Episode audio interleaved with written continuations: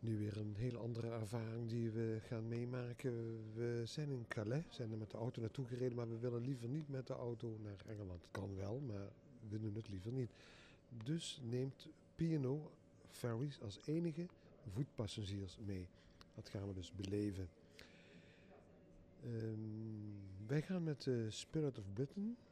Eh, samen met het zusterschip de Spirit of France. Sinds 2012 de grootste nieuwe ferry op de route Calais-Dover en andersom.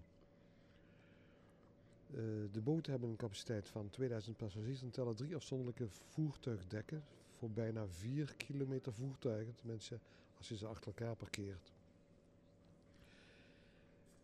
Wat er allemaal aan boord is, kunnen wij straks wel uh, vertellen. Wij zijn in ieder geval nu in de wachtruimte. En uh, de wachtruimte geeft zometeen toegang tot uh, de plaats waar de bus gaat stoppen.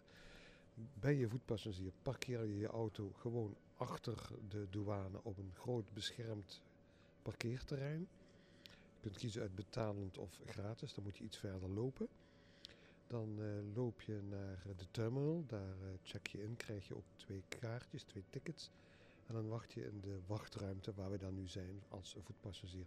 Je wordt weer gecontroleerd door de Franse en de Engelse marechaussee of politie. Je moet ook je paspoort laten zien en je kaartje. En kunt dan wachten totdat de bus je komt halen. P&O is eigenlijk een afkorting van de Peninsular and Oriental Steam Navigation Company die in 1837 al werd opgericht. P&O is de marktleider voor transport naar Groot-Brittannië, want behalve hier van Calais kun je ook gebruik maken van de havens Zeebrugge en uh, ja, zeg maar Rotterdam. Europoort om uh, te gaan naar Engeland en dan ga je naar uh, Hull meestal.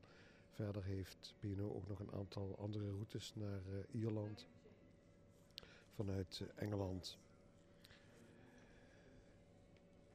Alle informatie kunt u vinden op de site en daar staat ook de geschiedenis op, pnoheritage.com. En natuurlijk op de site van P&O zelf. In een volgende uitzending komen we terug vanaf boord om u uh, verslag te doen van uh, hoe het aan boord is als je zeg maar in de tijd dat je hier van Calais naar Dover gaat reizen, reist. En dat is ongeveer anderhalf uur.